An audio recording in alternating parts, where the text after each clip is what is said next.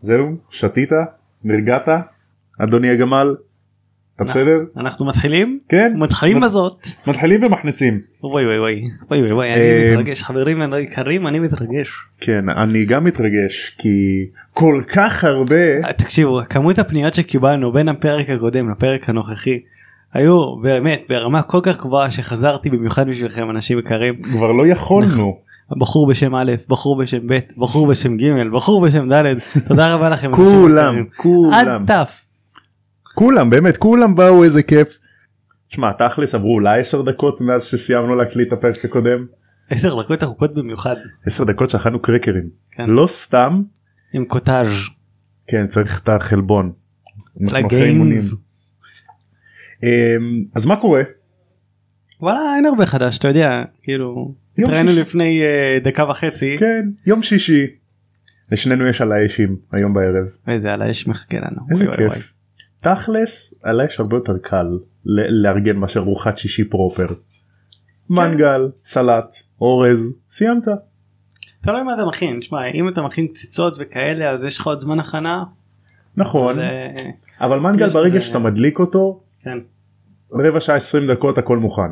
כן במיוחד אם יש לך מנגל גז ואז אתה אפילו אין לך התעסקות עם גחלים וכאלה שזה פצצה. נכון, אין התעסקות עם לכלוך, אה, בלי ריח. ספונסרים חברים בלי ספונסרים. כן, בכלל לא. אה, נגיד מעשנה זה הצד השני של הספקטרום. אה, ויש לנו פה pitmaster חברים. כן אה, בוא נגזים pitmaster אני עדיין לא אבל אה, מעשנה זה אחד הדברים שאני אתה פוטין מאסטר. מה? פוטין מאסטר. אוי אוי אוי. פוטין. כן לעומת אה, מנגל מעשנה זה תהליך שבו מכניסים בשר לתקופות זמן ארוכות מהמם. כדי שיגיע לטמפרטורה מסוימת מאוד. אה, עכשיו הבחורצ'יק פה עשה לנו לפחות פעמיים מעשנה. מה זה פעמיים? לפ- היית- לפחות היית אמרתי. חמש פעמים אצלי במעשנות. בסדר זה עדיין אה, כלול זה עדיין יותר משתיים, זה כן. עדיין כלול. אז היינו שם עם עדה ארבעה וגם אה, קברטי בא פעם אחת. כאילו אני אומר כל מי שהיה בפודקאסט אולי אתם זוכרים גם סייסל לא היה ברק. פה. סייסל לא היה. לא אצלי. לא אבל הדר הייתה ברק עשה פה וקברטי. פרק? ברק עשה פה פרק אני צריך להזמין אותו שוב. בקרוב כן הוא ובדודה שלו שלי. יפה. בדודה שלו שלי. כן. אפשר לעשות את זה הרבה. קיצור אז אה, בגלל שהיית בפרק הקודם בוא תספר לנו מה היה. אה, דיברנו בעיקר על ההכנות של ארי לקראת המשפט שקרה שהולך להיות לו במשרד הקסמים על הש... בעקבות השימוש שלו ב... אה, בקסם אה, פטרונוס כדי להגן על עצמו ואחרי ועל איזה ילד אידיוט אה, בשם בילי לדעתי. דדלי. דדלי. השם של אידיוט. בן דוד שלו. אידיוט. קיצר אז כדי להגן על הילד הזה הוא השתמש בפטרונוס בגלל שהיה שני סהרונים שבאו. ותקפו אותם. עכשיו כאילו בפרק הקודם דיברנו על איך ההכנה ועל מסדר עוף החול ואיך הם מעמידים פנים שהם לוקחים חלק אה, ב... הם לא מעמידים פנים הם באמת לוקחים חלק במשרד, המש... במשרד הקסמים אבל כאילו מעמידים פנים שהם מחפשים אחרי סיריוס בלק שבעצם הם אחד האנשים שהם רואים יחסית הרבה במסדר מהמם. וזה העלה לי תהייה על שלא מתייחסים אליה לפחות בסרטים בסרט החמישי. למה הסוהר- הסוהרונים האלה הגיעו לשם? סוהרסנים. סוהרסנים סליחה. למה הם הגיעו לשם ותקפו את הארי עכשיו אני כמחשבה הראשונה שעולה לי לראש זה שכמו שיש אותם את מסדר עוף החול כנראה שיש גם חבר'ה שהם חלק מאוכלי מוות שנמצאים במשרד הקסמים והפעילו אותם. ואני בטוח שמשרד הקסמים כמו כל ארגון ממשלתי גדול וחכם ויעיל בא אחרי המשפט אה, זה קצת ספוילרים אבל אני בטוח שאף אחד לא עשה חקירה איך הגיעו הסוהר- לא, האלה? לשם באמת? ויש פה מישהו מתחת לפני השטח שעושה את הדברים האלה ומשרד הקסמים אה, מעלים עיניים. האמת שבדיוק בפרק הזה אנחנו הולכים אה, להזכיר בדיוק את הנקודה הזאת של למה סוהרסנים היו שם בכלל.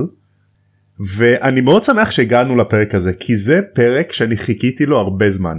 זה פרק ברוכים הבאים לשעשון הסס ההומור של דמבלדור. בפרק הזה דמבלדור רוצח את פאג' לא literally רוצח אלא משפיל אותו הכי lawyered עושה לו עורך דין lawyered של של judge Fudge הוא הפך. אותו לרפרפת.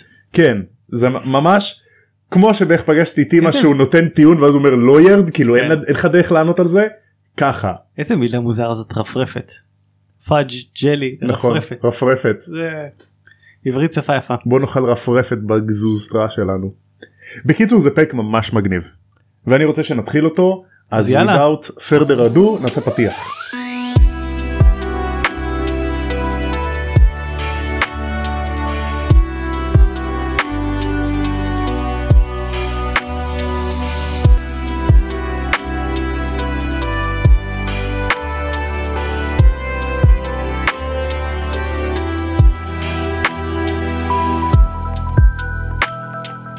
אז נגיד ואתם אכלתם fudge ואתם מרגישים קצת רפוסים קצת רפופים כמו רפרפת. אז אתם יכולים לשים אוזניות ולהרים את הרגליים על הספה ככה לשכב לעצום עיניים ולהקשיב לפרק של הפודקאסט הזה. שלום לכולם וברוכים השבים לעוד פרק של תם ונשלם הקונדס. אני תום מזרחי ואיתי חוזר לעוד פרק ליאור קידושים מה שלומך? מצוין אני חייב להגיד שאני קצת כועס עליך כי אתה גרמת לאנשים להירדם. הכנסת אותם למוד הדין ואז נכנסת בהם.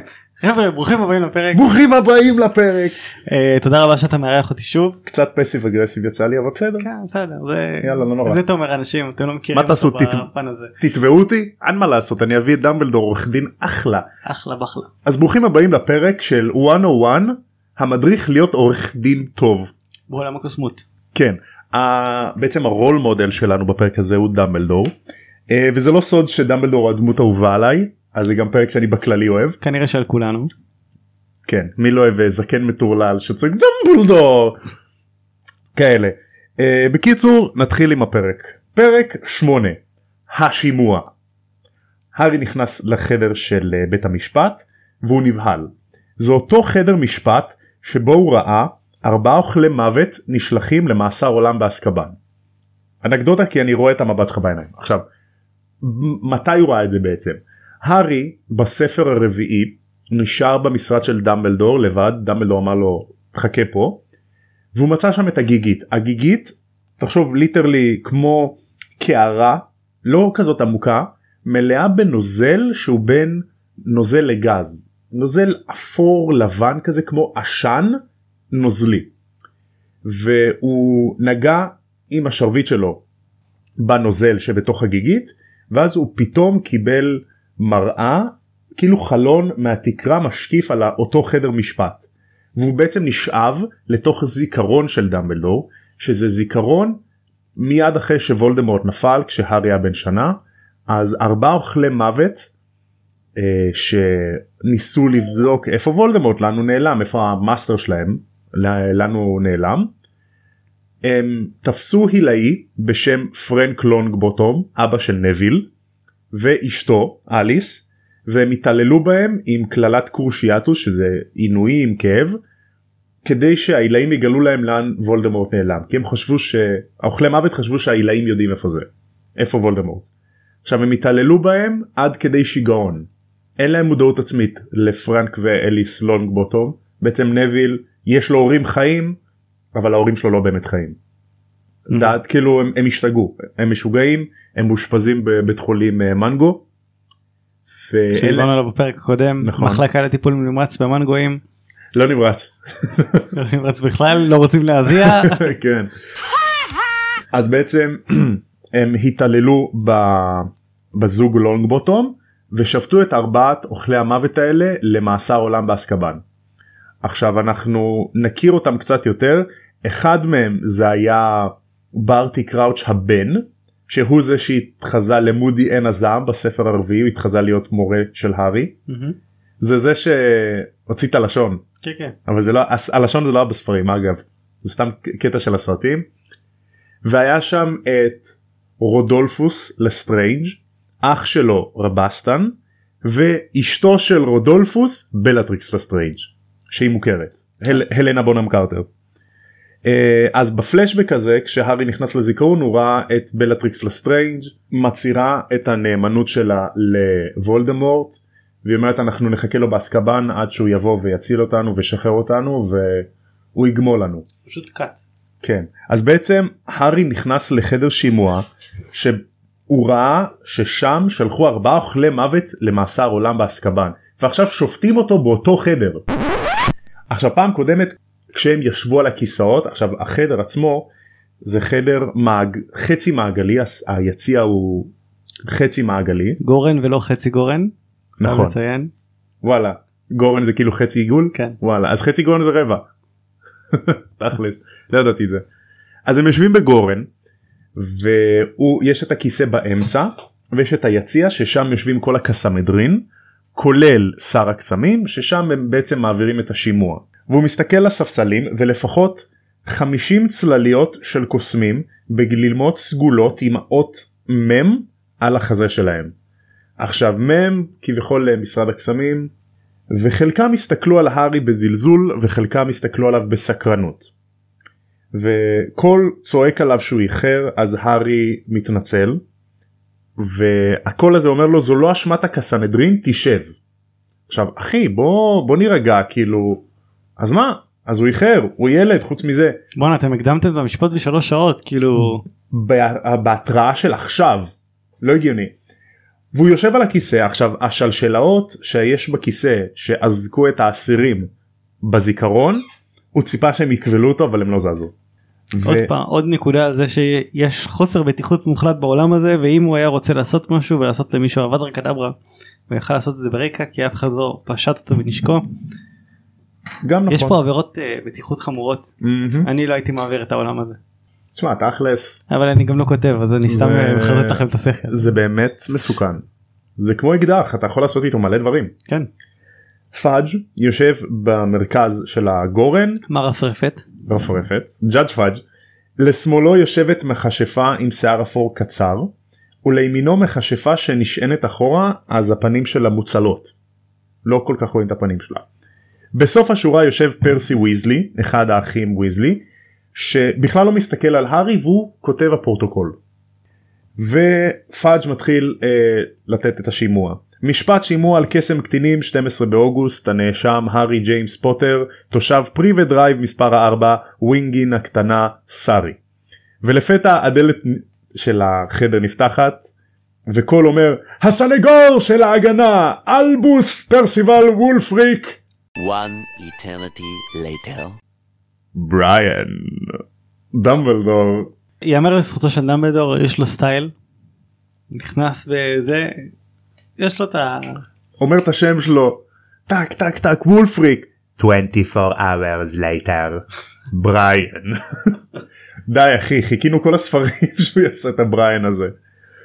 זקנו הלבן זז כמו וילון כשהוא מתהלך. הוא יוצר כיסא לעצמו מכלום מהאוויר ומתיישב גלימתו בצבע כחול חצות לילה.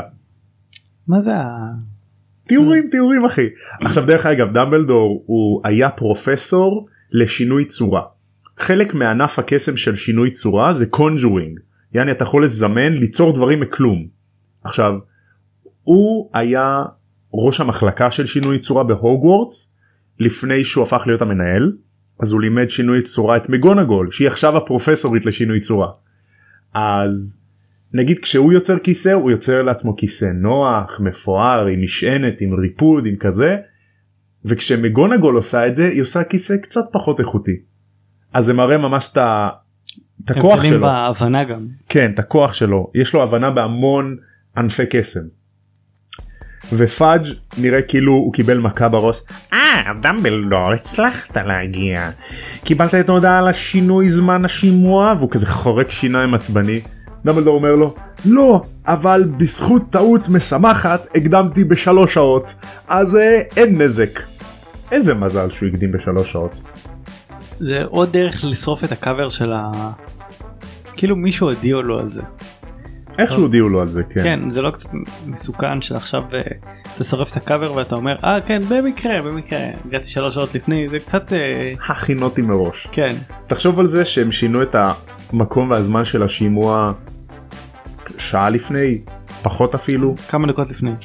זהו מה אתם מה אתם מצפים אתם לא יכולים לשנות דבר כזה אתה מתכנן את היום שלך בהתאם יש לי שימוע אני הולך בשעה הזאתי והזאתי אני חושב שאחרי המשפט הזה משרד המשפטים היה צריך לעשות תחקיר רציני אצלו. הוועדה? הוועדה של ה... ועדת חקירה על כל האירועים שקרו ביום הזה כי הם מתנהלים לא בסדר נכון. הבג"ץ והבגט כולם צריכים להיות מעורבים הבג"ץ בכלל. בכלל לא לא מתאים. אז הם ממשיכים ופאג' קורא את האשמה עם כל התיאור המעצבן של הארי אתה עשית ככה קסם קטינים עניינים. עכשיו פה יש סצנה שבה פאג' לא נותן להארי לדבר.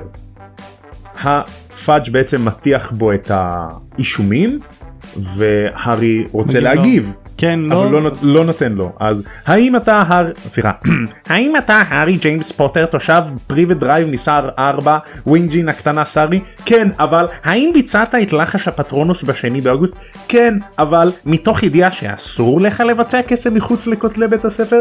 כן אבל מתוך ידיעה שאתה באזור מוגלגים? כן אבל תוך כדי שאתה קרוב למוגל? כן אבל ומישהו מפסיק את פאג' אבל זה לא הארי זה דווקא אה, אמיליה בונס מאדם בונס היא קמה ואומרת אתה באמת הצלחת לעשות לחש פטרונוס? כן אבל פטרונוס מלא. כן אבל כלומר הייתה לו צורה מסוימת? לא עשן או ערפל. כן זה אייל זה תמיד אייל והארי כבר עצבני תנו לי לדבר. ואז תמיד אה, מאדם בונס אומרת לו זאת אומרת עשית לחש פטרונוס בעבר? כן כבר מעל שנה פרופסור לופין לימד אותי ואתה בן 15? כן אבל מרשים אחי וואו וכמה מהקוסמים כזה מסתכלים אחד על וואלה כן וואלה מרשים.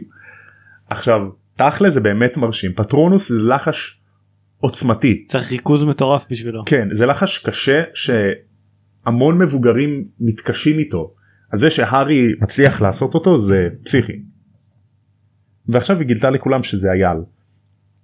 ופאד מתעצבן. מה אבל אה, מה מה הם מפיקים מזה מזה שהם יודעים שזה אייל. זה הצורה שלו שהם יכולים לנחש שזה זה שיש לו צורה זה אומר שלא רק שהוא עושה פטרונוס הוא עושה פטרונוס שלם. פטרונוס הרי הפטרונוס הוא כמו החיית נפש שלך כביכול הגרדיאן מהמם. זה ה... המלאך השומר. כן האנשה של ה... של רצון טוב של אהבה של שמחה וזה מגן עליך על פני סוהרסנים שזה בדיוק ההפך האנשה של דיכאון ורוע. אז האם יש משמעות ל... לאיך האם זה שלבן אדם יש חיה מסוימת זה משליך על האישיות שלו אמ, אני חושב שכן כי רולינג בחרה חיות מסוימות כפטרונוס לדמויות מסוימות שזה דווקא כן משקף אותם.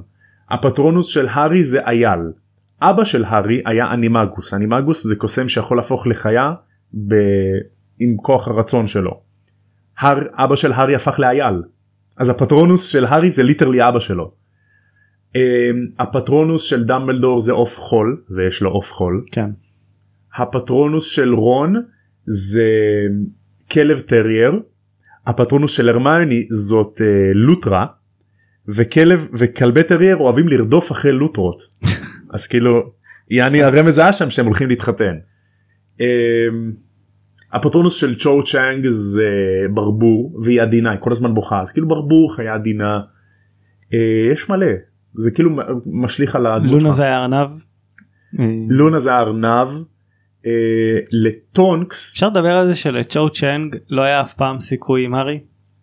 כאילו יצרו את, ה... את הסיפור האהבה הקטן הזה בספר הזה בשביל שלא ייתנו לו סיכוי ואתה רואה גם את, את ג'יני איך היא מגיבה לה ובסרט המחישו את זה יותר שכשהם הולכות ביחד אז ג'יני נגיד נכנסת בה וכל מיני דברים כאלה. נכון כן. וכאילו צ'ו צ'אנג היא חמודה היא מסכנה ג'יני הייתה קצת בריונית כלפיה ולא באמת היה פה איזה מעבר לנשיקה שהייתה להם כאילו לא היה להם באמת סיכוי להצליח לדעתי. נכון יש בזה משהו אני רוצה שתמשיך לשמוע את כל הספר ספציפית הספר הזה כי זה בדיוק ספר שהארי וצ'ו היחסים ביניהם מקבלים תפנית ודווקא פתאום הוא הוא מתחיל קצת יותר להסתכל על ג'יני והארי כאילו כן. עכשיו בסרטים עשו עוול גם לצ'ו גם לג'יני כאילו ג'יני וואו. בספרים הרבה יותר מגניבה. ג'יני בסרטים כאילו עם חוסר כימיה מטורף לארי. נכון כי הבמאים עשו חרא של עבודה עליה פשוט היא שם היא זהו היא, היא שם. היא קיר אין לה הבעות היא נורא משעממת. שואו אין לה אופי בכלל היא כאילו רק בוכה. בספרים יש להם יותר אופי יש את הסיבות שלהם. יש דמות. כן יש דמות יש עומק. זה ו- לא רק מושא אהבה. ואין את זה. אין את זה בסרטים וזה חבל. בקיצור אז כמה קוסמים מבוגרים מתרשמים וואו פטרונוס וזה ופאג' מתעצבן זה לא קשור כמה מרשים הפטרונוס להפך יותר מרשים יותר חמור ליד מוגלג. הוא סופר intense מעצבן רצח. אז הארי צועק לא אה, biased בכלל בכלל לא. והוא השופט אתה מבין הוא כאילו לא biased צריך לפסול אותו על ניגוד עניינים חברים אבל הוא גם ראש הממשלה. אז לפני, שה... לפני שמישהו יספיק לקטוע אותו הארי צועק הכל היה בגלל הסוהרסנים. אז פאג' אומר אה זה בטח סתם תירוץ עלוב בטח אתה התאמנת על הסיפור הזה על הגרסה הזאת. אין אפילו דרך לחקור מוגלגים כי הם לא יכולים לראות סוהרסנים לא? ואז דמבלדור אומר אני חושב קורניליוס שדווקא כן אפשר כי יש לנו כאן עד ראייה שהוא לא בן דוד של הארי דאדלי. ואז פאג' אומר אין לנו זמן לחקור עדים איזה שטויות אנחנו לא צריכים עדים. ודמבלדור כמו עורך דין טוב מציין על פי החוק חובה לשמוע את העדות שלהם וראש מחלקת האכיפה לחוקי קסם מאדם בונס תחזק אותי. והיא אומרת וואלה כן נכון עדים כאילו לגיטימי. כן. אז אה, דמבלדור מכניס את גברת פיג. עכשיו גברת פיג היא סקוויבית. עכשיו סקוויב זה מישהו שנולד למשפחת קוסמים ללא כוחות קסם. יעני ההפוך ממי שנולד למשפחת מוגלגים ויש לו קסם. משמע היא מבינה היא יודעת שקיימים קסמים או היא, היא שמוסתר- מכירה את עולם הקסם היא מכירה את המושגים ו... במקרה- אבל, אין אבל אין לה כוחות קסם. במקרה היא גם שכנה של הארי פוטר בכוונה הרי גברת פיג שכנה של הארי מאז שהארי תינוק בעצם דמבלדור טמן אותה שם שם אותה שם שתשגיח על הארי כשהוא בקיץ. אז הדרזלי מכירים את גברת פיג שאני מבחינתם היא סתם השכנה מבוגרת עם המיליון חתולים שיש לה. ורק בתחילת הספר הזה הארי מגלה שהיא מכירה את דמבלדור ושהיא שומרת עליו שהסתכלה עליו תמיד מרחוק. אה, דרך אגב יש איזה דמות בתחילת הספר שהוא חבר במסדר עוף החול גברת פיג גם אה, חברה במסדר עוף החול אבל אין לה כוחות קסם. בכל אופן הקוסם הזה המסדר לקחו תורות כדי להשגיח על הארי מרחוק. עקבו אחריו במהלך הקיץ מרחוק. ופעם אחת אחד ה... מי שאמור אה, לשמור על הארי הוא נעלם באמצע שמירה באמצע משמרת. הוא הלך לאיזשהו מקום וחזר. וגברת פיג הכירה אותו ידעה את זה תפסה אותו על זה והתחילה להרביץ לו. עכשיו בתיק גב שלה יש לה פחיות אוכל לחתולים והיא מתחילה להרביץ לו למה הלכת ואני מדמיין את הזקנה ממדגסקר וואו לגמרי. וזה מרביצה לאלכס האריה כן. זקנה הכי חזקה בעולם. בית קיטי. אז דמבלדור מכניס את גברת פיג שהיא בדיוק מצאה את הארי ודאדלי ישר אחרי ההתקפה הזאת ופאג' אדום מעצבים. והארי חושב לעצמו הלוואי והיא הייתה משאירה את הנעלי בית הפלאפיות שלה בבית. למה היא באה איתם? זה כן. מה שחשוב בחיים הארי. כן כן כן. אז גברת פיג מציגה את עצמה כתושבת השכונה של הארי וסקוויבית. פאג' אה, תוהה לעצמו האם סקוויבים בכלל יכולים לראות סוהרסנים? כי מוגלגים לא יכולים. אז האם זה גם על סקוויבים? עכשיו איזה שר קסמים אתה אם אתה לא יודע את הדברים האלה?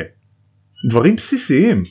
כמו שאמרנו על אה, ארתור ויזלי יש אנשים שהגיעו למשרה שהם לא מספיק טובים עבורה. נכון. יש אה, יש משפט מ-Art of War של סאן צו גנר... יכול להיות לגנרל יש את היכולת לנצח צבא מבלי באמת סליחה יש לו את הידע לעשות את זה מבלי היכולת לעשות את זה. אז כאילו סבבה שיש לך את המשרה אתה יכול להיות שאתה לא תהיה טוב בזה כן.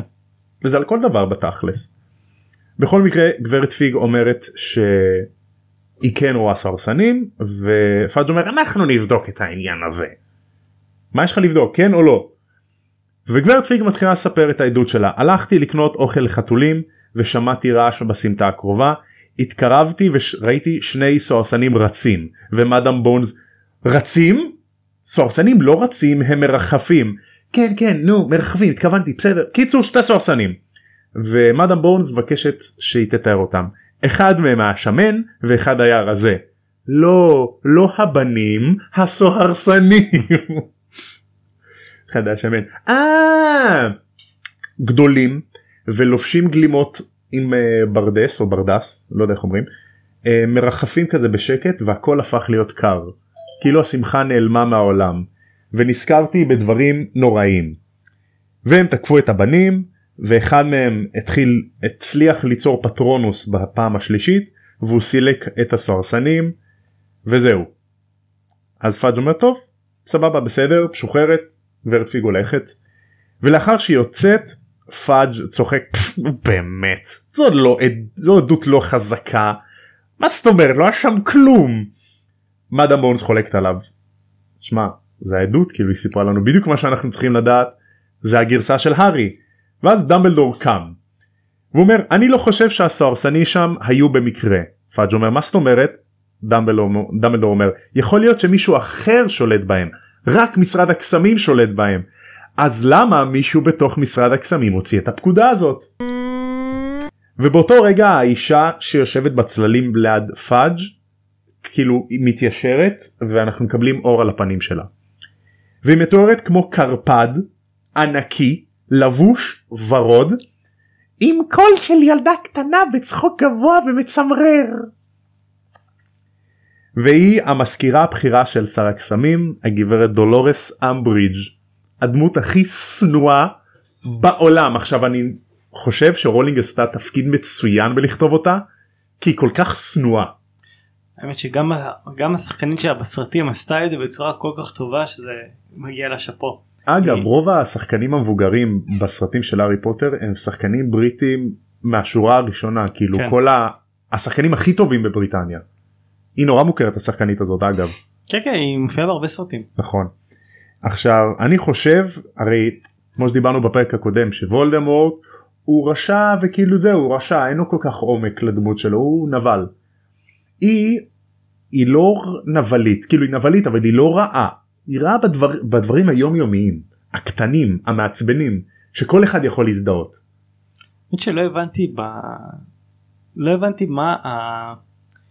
בהמשך הספר בהמשך הסרט היה התייחסות ביצעו משהו והיא היא באה בהאשמות לפרופסור מגונול. מקגונול מגונגול מגונגול סלחו כאילו לי על זה- הביטויים. זה סקוטי זה מק גונגול מק זה התחלה אז היא נורא באה בהאשמות כלפיה והיא אומרת שהיא עובדת כנגד אה, היא לא היא מוכנה לסבול אה, עלבונות כלפיה אה, קיימברידג' כן אבל היא לא מוכנה לסבול העלבונות כלפי שר המשפטים האדון רפרפת שר הקסמים שר הקסמים סליחה כן קיצור אז אמברידג' היא היא מניאקית כזאת. לא אז לא הבנתי את ה... מה הסיפור בינה לבין שר הקסמים. אה לא יש זה שם- לא יחסי מרות. היא פשוט נורא נאמנה אליו. אני חושב שגם בתור אישה בעולם של גברים היא הייתה צריכה להיות כאילו קרישה יעני כן. אז היא שמה על עצמה איזושהי דמות. אנחנו גם נראה במהלך הספר איך היא בדיוק מתנהלת היא יודעת מה לומר מתי לומר היא נורא מניפולטיבית היא יודעת לשחק את המשחק לתת כאילו מחמאות לאלה ש... יבואו לעזרתה. שגבוהים מעליה במשרה כאילו Mm. היא, היא נורא כזה תומכת בשר הקסמים וכזה קצת מלקקת לו. היא סוג של כמו השליחה שלו. כן. המזכירה הבכירה שלו אבל היא, היא הנבל האמיתי בסיפור. אז אמברידג' אומרת סלח לי רגע דמבלדור אבל נשמע כאילו לרגע אתה האשמת את משרד הקסמים בתקיפה של הילד החמוד והמקסים הזה. אם סוהרסנים היו עונים רק למשרד הקסמים ושני סוהרסנים תקפו את הארי ודאדלי מבחינת כלל המעבר זה אומר שמישהו במשרד הקסמים הוציא את הצו הזה משל. אלא אם כן מישהו מחוץ למשרד הקסמים שולט בהם. פאג' אומר אין סוהרסנים שלא בשליטת משרד הקסמים. כמובן שלא. אז משרד הקסמים יבצע חקירה מלאה ויבדוק מדוע בוצעה התקפה שכזו. זו לא מסמכותך לקבוע מה משרד הקסמים יעשה או לא. עכשיו כל הקטעים האלה כאילו פאג' זורק לו הערה כמו איזה עורך דין אפס ודמבלדור נותן לו תשובות כאילו טובות משתמש בחוק. זה ממש מזכיר את המשפט של ג'וני דפ ואמבר הרד כן שיש את העורכי דין של אמבר הרד שבאמת היו פח. על הפנים ואת, אה, ואת החבר'ה של ג'וני דפ שנתנו עבודה שם מצוינת של אה, נכון לתת את השאלות הנכונות ולחקור כמו שצריך ולא עובדות. כן ולא לצלוב אנשים על אה, 30 דקות 15 דקות של תהילה. אשכרה. נכון דרך אגב אני ראיתי מים שג'וני דפ הוא הגבר הראשון שהצליח לנצח אישה בוויכוח. בסדר זה בדיחות של נשואים טוב אשתי טוב, קטורזה ייכנס בחדר ייכנס בדלת בדיחות אשתי. איפה הייתי אז uh, פאג' אומר זה לא מסמכותך לקבוע מה משרד הקסמים uh, יעשה או לא. כמובן שלא. אני רק מביע את האמון שלי שעניין כזה לא יעבור על סדר היום והוא נותן מבט למאדם בונס כי היא ראש האכיפה. פאג' אומר אני מזכיר לכם שהמשפט היום הוא לא על הסוהרסנים אלא קסם בקרב קטינים של האדון הארי פוטר. כמובן שזה הנושא כמובן בסדר אחי אבל הסוהרסנים הם גורם מטרים לכך. על פי החוק מותר לעשות קסם במקרים יוצאים מן הכלל כגון הגנה על חיים של קוסם או מכשפה או מוגן נוכח בזירה אנחנו מכירים את סעיף 7 תודה רבה לך. כמובן שאתם מכירים לכן כולנו יכולים להסכים שהמקרה הזה נופל בדיוק בהגדרה על מקרים יוצרים מן הכלל שכאלה אם היו סוהרסנים שאני ספק בזה הרגע שמענו את עדת הראייה אפשר לקרוא לה שתאית שובתי אם אתה רוצה. אה, אה, אני אה, לא אתה אה, נו באמת דמבלדור אתה רוצה שאני אני רוצה שזה ייגמר היום אין לי זמן. לא משנה כמה פעמים תשמע אתה לא תהיה מוכן להודות שזה מקרה של אי צדק. אי צדק בכובע שלי וגם בתחת שלי. זו לא הפעם הראשונה שהוא עושה קסם בבית שלו. עכשיו מה קרה פעם קודמת? בספר השני דובי היה אצל הארי הוא עושה קסם ואז חשבו שזה הארי. כי לגמדוני בית אין באמת מעמד משפטי כן. אמיתי הם עבדים. אז למשרד הקסמים יש דרך לראות בבית שאין בו קוסמים האם מתבצע בו קסם. אגב איך, לא זה, ידעו של מי זה. איך זה עובד באמת שהם ידעו שהוא ביצע את הקסם הזה. כאילו זה בגלל מה שקרה לדאדלי זה שאלה טובה יש להם איזושהי דרך לעקוב אחרי זה על אם אתה עושה קסם מחוץ להוגוורטס ובבית של מוגלגים נגיד בבית משפחת ויזלי כולם קוסמים כן. אז אם מישהו יעשה קסם תכלס לא ידעו אם זה הילדים או המבוגרים. אז כאילו אפשר עוד להגניב כזה מבלי שהם יודעים. אבל בבית של הדרזלים שהם מוגלגים אם יראו קסם הארי הוא הקוסם היחיד בכל האזור הזה כן. אז כנראה הוא אשם.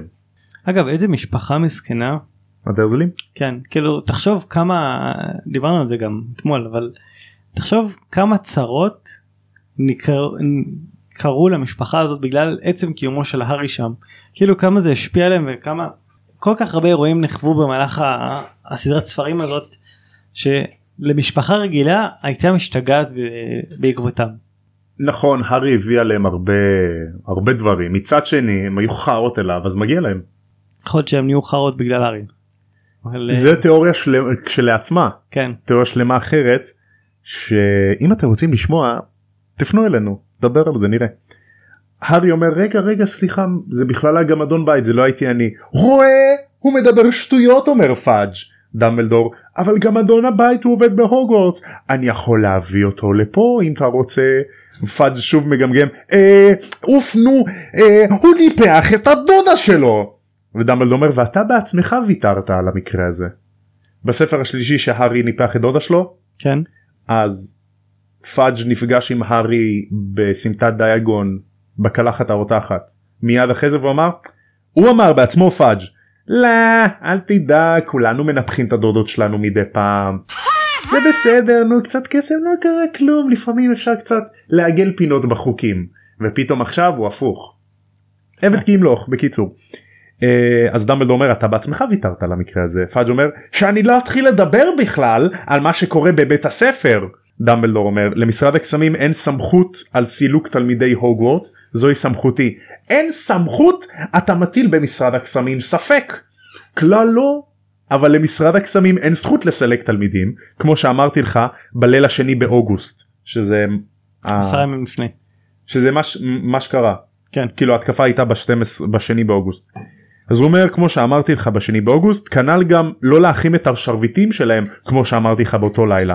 בחיפזון שלך לאכוף את החוק נראה כאילו התעלמת מכמה חוקים. נרד.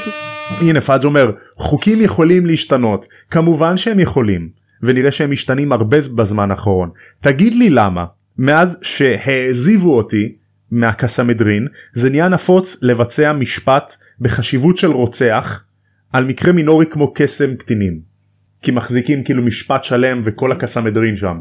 וואלה נקודה טובה. הרבה מושבעים. כן. אה, אין שום חוק שאומר שעל בית המשפט הזה לשפוט כל קסם שהארי עשה בחייו. הצגנו את ההגנה שלו ואנחנו נחכה לגזר הדין שלכם הקסמדרין. ודמבלדור יושב. זהו סיימת את הזה. הארי אומר וואלה קצת מוזר שדמבלדור אומר לקסמדרין מה לעשות. והוא חשב שהשימוע יהיה הרבה יותר ארוך כאילו זה נגמר די די מהר. ובעוד הקסמדרין דנים בלחישות ביניהם הארי אה, מסתכל למטה לא מסתכל על אף אחד. מאדם בונס קוראת לכולם את גזר הדין ויותר מחצי. מצביעים בעד הארי ופאג' אמברידג' ועוד כמה מצביעים נגד. אז פאג' למרות שרואים את הכעס שלו את העצבים שלו בלית ברירה הוא משחרר את הארי וברגע שהוא אומר מזוכה מכל אשמה דמבלדור קם מבלי להסתכל על הארי מודה לכולם ויוצא. זהו דמבלדור בום קם זהו עזבנו drop the mic. כן וללכת וזה סוף הפרק. כאילו זה מעניין כי האדפטציה לסרט הייתה טיפה שונה. אבל כן הצליחו להעביר את העניין שדמבלדור שיחק בפאג' כאילו ילד קטן. כן. אותי מעניין איך אף אחד לא בא ואומר יש פה ניגוד אינטרסים. בואו- כן לפאג' למר הפרפת. שאני ממש אוהב את ה... מר הפרטפט מר הפרפת מבחינתי זה השם החדש שלו. ל judge פאג' כן.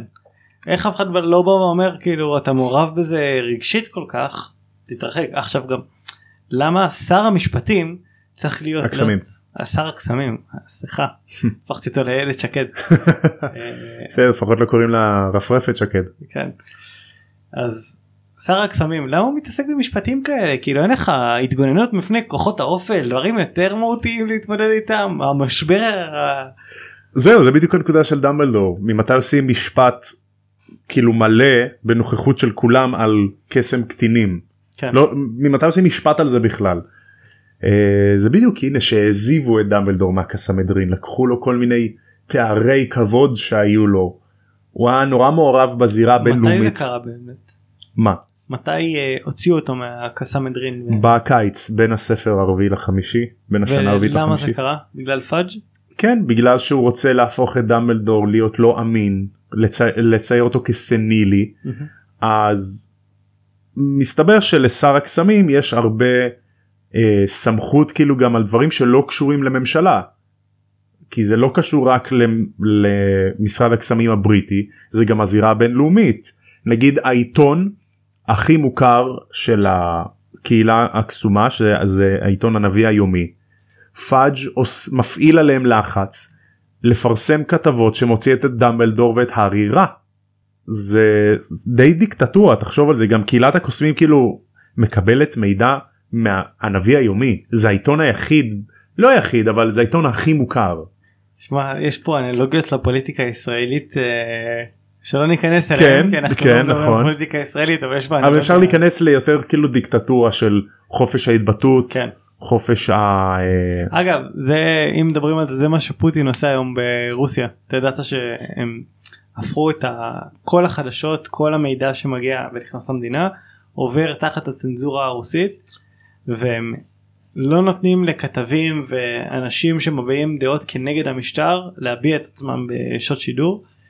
אה, הם, וכאילו- הם, הם עושים את זה אבל שנים מי שמדבר כן, נגד זה המשטר מאוד מעלימים מתחזק אותו. עכשיו במיוחד שיש כל כך הרבה חברות גדולות כן. שניתקו איתם קשרים. הגיוני לי מאוד שהם עושים את זה. אה, אני שאני חושב שפייסבוק גם הפסיקו לעבוד איתם אבל אני לא זוכר בוודאות. אני חושב שכן אה, אפל אמרו שהם עוצרים. אה, זה. תחשוב איזה קרקע פוריה זאת לפייק ניוז כמו ש judge פאג' עשה פה. כן basically ממש ככה אז הוא מפעיל לחץ גם על דברים שלא קשורים אליו. תחשוב שראש הממשלה נגיד שלנו היה גם שופט בבית המשפט העליון והוא היה גם מחוקק והיה לו די יש סיבה שיש דיקטטורה, כאילו. ההפרדת סמכויות הזאת. בדיוק עכשיו קהילת הקוסמים היא לא כזאת גדולה יש להם רק משרד קסמים אחד ומחלקות זה לא כזה גדול. אגב כמה קוסמים יש בעולם בעולם? לא ברור. לא ברור. מדברים על אה, עשרות אלפים מאות אלפים אני חושב שזה מגיע למיליונים כי נגיד בתחילת הספר הרביעי אז הארי והחברים הולכים לגביע העולם בקווידיץ' מהמם. והאיצטדיון הוא 100 אלף איש.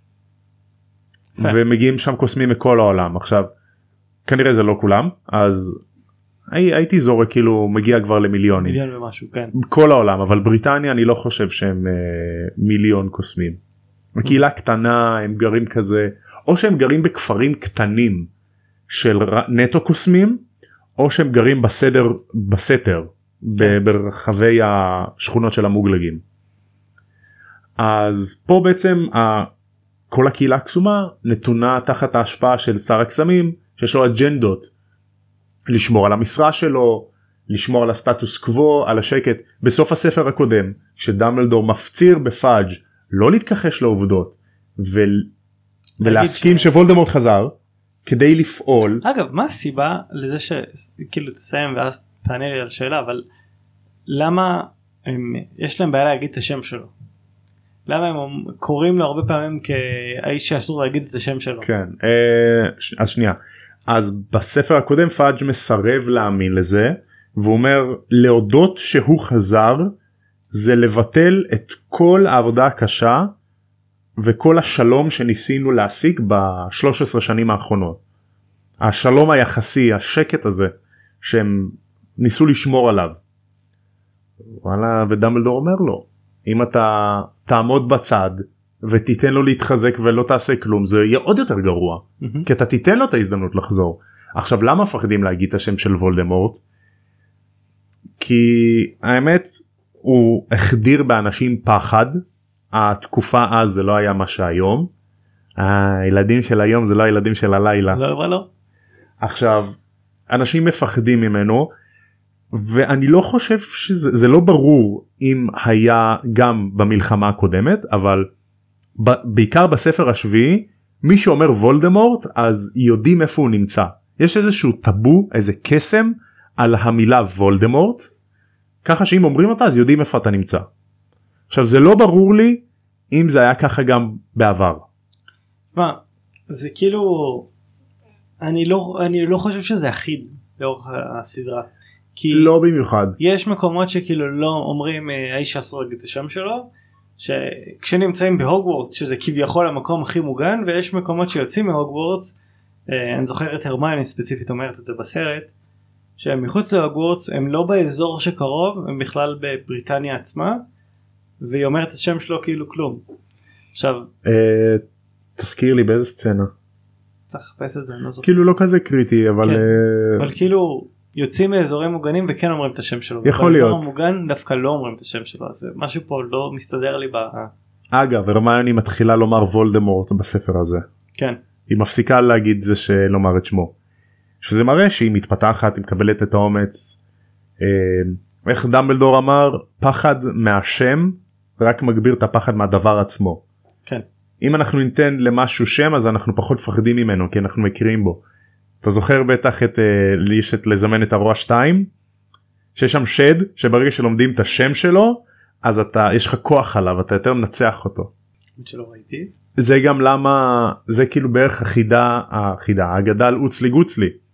בקצרה האגדה זה שאוצלי גוצלי היה שדון שהוא עושה איתך חוזים וכל מיני דברים כאלה והייתה איזה נסיכה שהוא עשה איתה איזשהו הסכם שהוא עוזר לה להשיג משהו מאוד משמעותי ובתמורה והיא לא ידעה את זה בזמנו כי זה כתוב בחוזה באותיות קטנות בתמורה הוא מקבל את הילד שעתיד להיוולד לה. ואז היא נכנסה להיריון וככה ככה ככה אה היא רצה להיכנס להיריון היא לא הצליחה אז הוא הצליח לגרום לה להיכנס להיריון עם בחיר ליבה וביום שהוא בא לקחת את התינוק והיא אמרה לו לא בבקשה אני מתחננת זה התינוק שלי כאילו זה הוא אמר לא אנחנו עשינו הסכם אני מקבל את התינוק שלך אין מה לעשות. יש דרך אחת שאני אוותר לך על זה אם את תגלי מה השם שלי. וכאילו היא ניסתה חיפשה לא גילתה ובמקרה איכשהו היא עקבה אחריו ליער שהוא מסתובב בו והוא אוצלי גוצלי דילג שם וכזה זימר את השם של עצמו. שזה משהו מוזר כשלעצמו כן? אתה מטייל תומר תומר אני תומר מזרחי. קצת מפגר אז היא שמעה את הש... רזיאל מזרחי למי שלא רזיאל. יודע כן כמו טד אבלין מוסבי אז. רזיאל מזרחי. כן זהו שמי המלא. ואז היא שמעה את השם שלו ואמרה קוראים לך הוצלי גוצלי ואז הוא לא לקח לה את הילד בסוף. אוקיי. זה אגדה. בקיצור נחזור לקטע עם וולדמורט זה לא הכי אחיד הקטע עם השם שלו עם הטאבו הזה אבל אה, המ, יש הרבה חורים בעלילה של רולינג. מצד שני שבע ספרים כל ספר הוא כמות מכובדת של 500 400 דפים זה הרבה עלילה. כן. אנחנו מוותרים לה. נכון.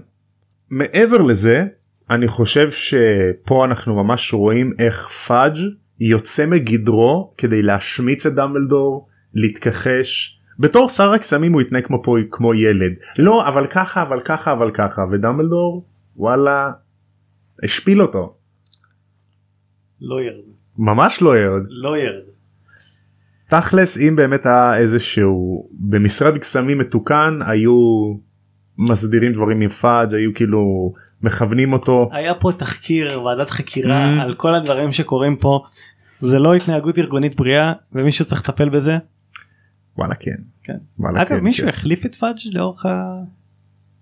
כן בספ... בסוף הספר הזה פאג' מתפטר ובספר הבא ספר השישי ותחילת השביעי יש אה, שר קסמים חדש אותו אחד אה, ואז אה, טוב נגיע לזה אוקיי. ספוילרים ממש רחוק כאילו זה אפילו לא הסדרה שלנו זה כבר יהיה בילד המקולל הרמני הופכת להיות שרת הקסמים וואלה. כן.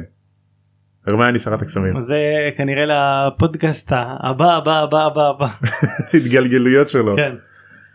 כן תשמע ו- ונביל הופך להיות אה, מורה בהוגוורטס האמת שאני גם חשבתי על זה מה באמת קורה איתם אחרי הזה כי בסרטים ס- כאילו סיימו את זה בזה שהם מביאים את הילדים שלהם לרכבת כן. אז בילד לא. המקולל ממשיכים קצת כאילו מסבירים מה היה ג'יני הפכה להיות שחקנית קווידיץ' אה, שחקנית קווידיץ' מקצועית בקבוצות אה, פרו ואז כשהיא פרשה היא עברה להיות אה, מאמנת קווידיץ' אני חושב העורכת ספורט של הנביא היומי של העיתון. אה, רון והארי היו עילאים ורון באיזשהו שלב הפסיק להיות עילאי והצטרף לחנות בדיחות של אחים שלו. והארי או שהוא ראש משרד העילאים או ראש המחלקה לאכיפת חוקי קסם משהו כזה. דווקא מתאים לו לחזור ללמד בהוגוורטס אה, נכון. להיות המרצה להתגוננות בפני כוחות האופן נכון. זה כאילו התפקיד זה היה הכי ברור. היה תפור לבן אדם. זה הכי ברור. אני לא יודע למה היא לא עשתה את זה. אבל uh, זה סוף הפרק אני שמח ש... שהיית פה שהאזנת. שהשתתפת. uh, משהו שתרצה לומר האמת שדיברת על זה במשפט שהיה שם את פרסי ויזלי ואני עכשיו מנסה כאילו ניסיתי לחשוב על זה תוך כדי שאמרת את זה שלא זכרתי בסרט שיהיה מישהו שהתייחסו אליו כמישהו מוכר. מי הוא? מה הוא? מה התפקיד אה, שלו? פרסי הוא אחד מהאחים ויזלי. הסדר ילודה של האחים הילדים של ארתור ומולי זה ביל ואז צ'ארלי ואז פרסי. ואז התאומים רון וג'יני. אז פרסי הוא יותר גדול מהתאומים בשנתיים הוא סיים ללמוד בהוגוורטס. בספר השלישי זו הייתה השנה האחרונה שלו אוקיי אז כשהארי היה בשנה השלישית הוא היה בשנה השביעית האחרונה. ופרסי אחרי שהוא סיים את הלימודים הוא הלך להיות לעבוד במחלקה לשיתוף פעולה בינלאומי של בין אה, קהילות קוסמים. הוא היה תחת אה, ברטי קראוץ' האב סיניור יעני שהוא דמות כשלעצמה בספר הרביעי ואז הוא התקדם להיות העוזר האישי של מר קראוץ' ואז מר קראוץ' נהרג בספר הרביעי והוא הפך להיות העוזר האישי של פאג' שר הקסמים שזה פסיכי. כן זה קידום אה, מאוד מהיר. תפקיד ראשון שני שלו אולי שנתיים אחרי שהוא סיים ללמוד. ג'וניור שעושה תפקיד של סיניור ותיק של שר הקסמים. כן. אה, עכשיו פרסי הוא נורא אה, אמביציוני. הוא יש לו אמביציות כאילו יש לו את השאיפות לעבוד בממשלה שלהם והוא תמיד כזה חרוץ וקצת חנון ותמיד כזה ילד שהולך לפי החוקים ולפי מה שמכתיבים אז כשדמבלדור ופאג' הצדדים שלהם התפצלו בסיפור וכל אחד תופס את הדעה שלו פרסי במקום להאמין להורים שלו שתומכים בדמבלדור הוא האמין במשרד הקסמים שהוא נגד דמבלדור. אז הוא קרא להורים שלו טיפשים שהסיבה שהם עניים זה כי אבא שלו חסר אמביציות ומטרות והוא בדיחה בשר הקסמים זה למה הם במשרד הקסמים זה למה הם עניים שהוא לא רוצה שום קשר איתם. הוא הם לא המשפחה שלו יותר ושההורים שלו אידיוטים. איזה ילד חרא? ואז הוא יצא מהבית ומאז כל פעם שהשם של פרסי עולה גברת ויזלי מתחילה לבכות וארתור ויזלי שובר כל מה שהוא מחזיק באותו רגע ביד. מעצבים. ילד חרא. כן. אז הוא לא מתייחס להארי. אגב הוא בשלב מסוים מתקן את זה וחוזר כן. לתוך המשפחה? כן כן. אחרי שפאג' מתפתר הרבה אחרי. הרבה אחרי. כאילו אז הוא ממשיך אה, להיות בעייתי ואז אה, כן ולא לא הכי אנחנו לא הכי אוהבים את פרסי. הוא סתם אה, מעצבן. הבנתי. כן. בקיצור זה העניין שהוא מתעלם מהארי. פרסי אנחנו הולכים לראות אותו לפחות עוד איזה פעם פעמיים בספר הזה ובכל אותם פעמים הוא מתעלם מהארי הוא די מלקק תחת לשר הקסמים והוא מתנגד לדמבלדור מהמם. עד שהם לא יוכלו להתנגד יותר שזה יהיה ברור כשמש שוולדמורט חוזר. בקיצור זה פרסי. אז הוא היה שם הוא כתב את הפרוטוקול ואז אנחנו הכרנו את אמברידג' שהיא דמות נורא מעניינת צבעונית. מה זה צבעונית ורודה קרפדה עבודה. מדברת ככה ואנחנו נגלה מה קורה איתה. בכל אופן תודה שבאת בכיף בכיף בכיף בכיף. היה לי מאוד מעניין אה, גם עצם זה שדיברנו אתמול אה, תומר בא ואומר לי בוא תתארח אצלי בפרק כן אמרתי לו לא שמע לא, לא קראתי את הספרים אף פעם זה אמר לי בוא תתארח בפרק אמר לי תקשיב אנחנו הולכים אה, לדבר על מסדר עוף החול. אמרתי סבבה. בבוקר אמרתי אני הולך לעשות שיעורי בית כמו ילד טוב. ראיתי את ילד הסרט. חרוץ כן. אה, מקווה שנהנתם. אני בטוח שהם נהנו אז אה, תמליצו לחבר תשתפו תנו בלייק ברייטינג יכולים לעקוב בפייסבוק באינסטגרם. תודה רבה שהחזקתם עד לפה פרקים לא קצרים היו לנו. רק אה, נקודה קטנה לקהל המאזינים שלנו אני לא משוחד. עכשיו אם יש לכם איזה בן אדם נחמד שרוצה לעשות ספונסר שמקבל אה, יכול אה, רוצה לפרסם את עצמו ולשמוע אה, בפני 500 אנשים שונים על כל פרק בממוצע אנחנו בממוצע. הגענו מעל 130 אלף האזנות בטוטל. אה, מישהו אבל עם אה. ערכים אז אה, בשביל שבאמת נוכל לייצג אותו ולתת שאוט אאוט של דקה בפרק זה יכול מאוד לעזור לתומר. אז אם אתם מכירים מאוד אעריך זה יהיה מגניב זה יהיה כיף. ועד הפעם הבאה כמו שהם אומרים בעולם של הארי פוטר לפני שהם משפילים מישהו משפילים את ראש לויר. הממשלה שלהם עושים לו לויר לצ'אג' פאג' תמיד שלהם קונדס יאללה ביי. ביי ביי.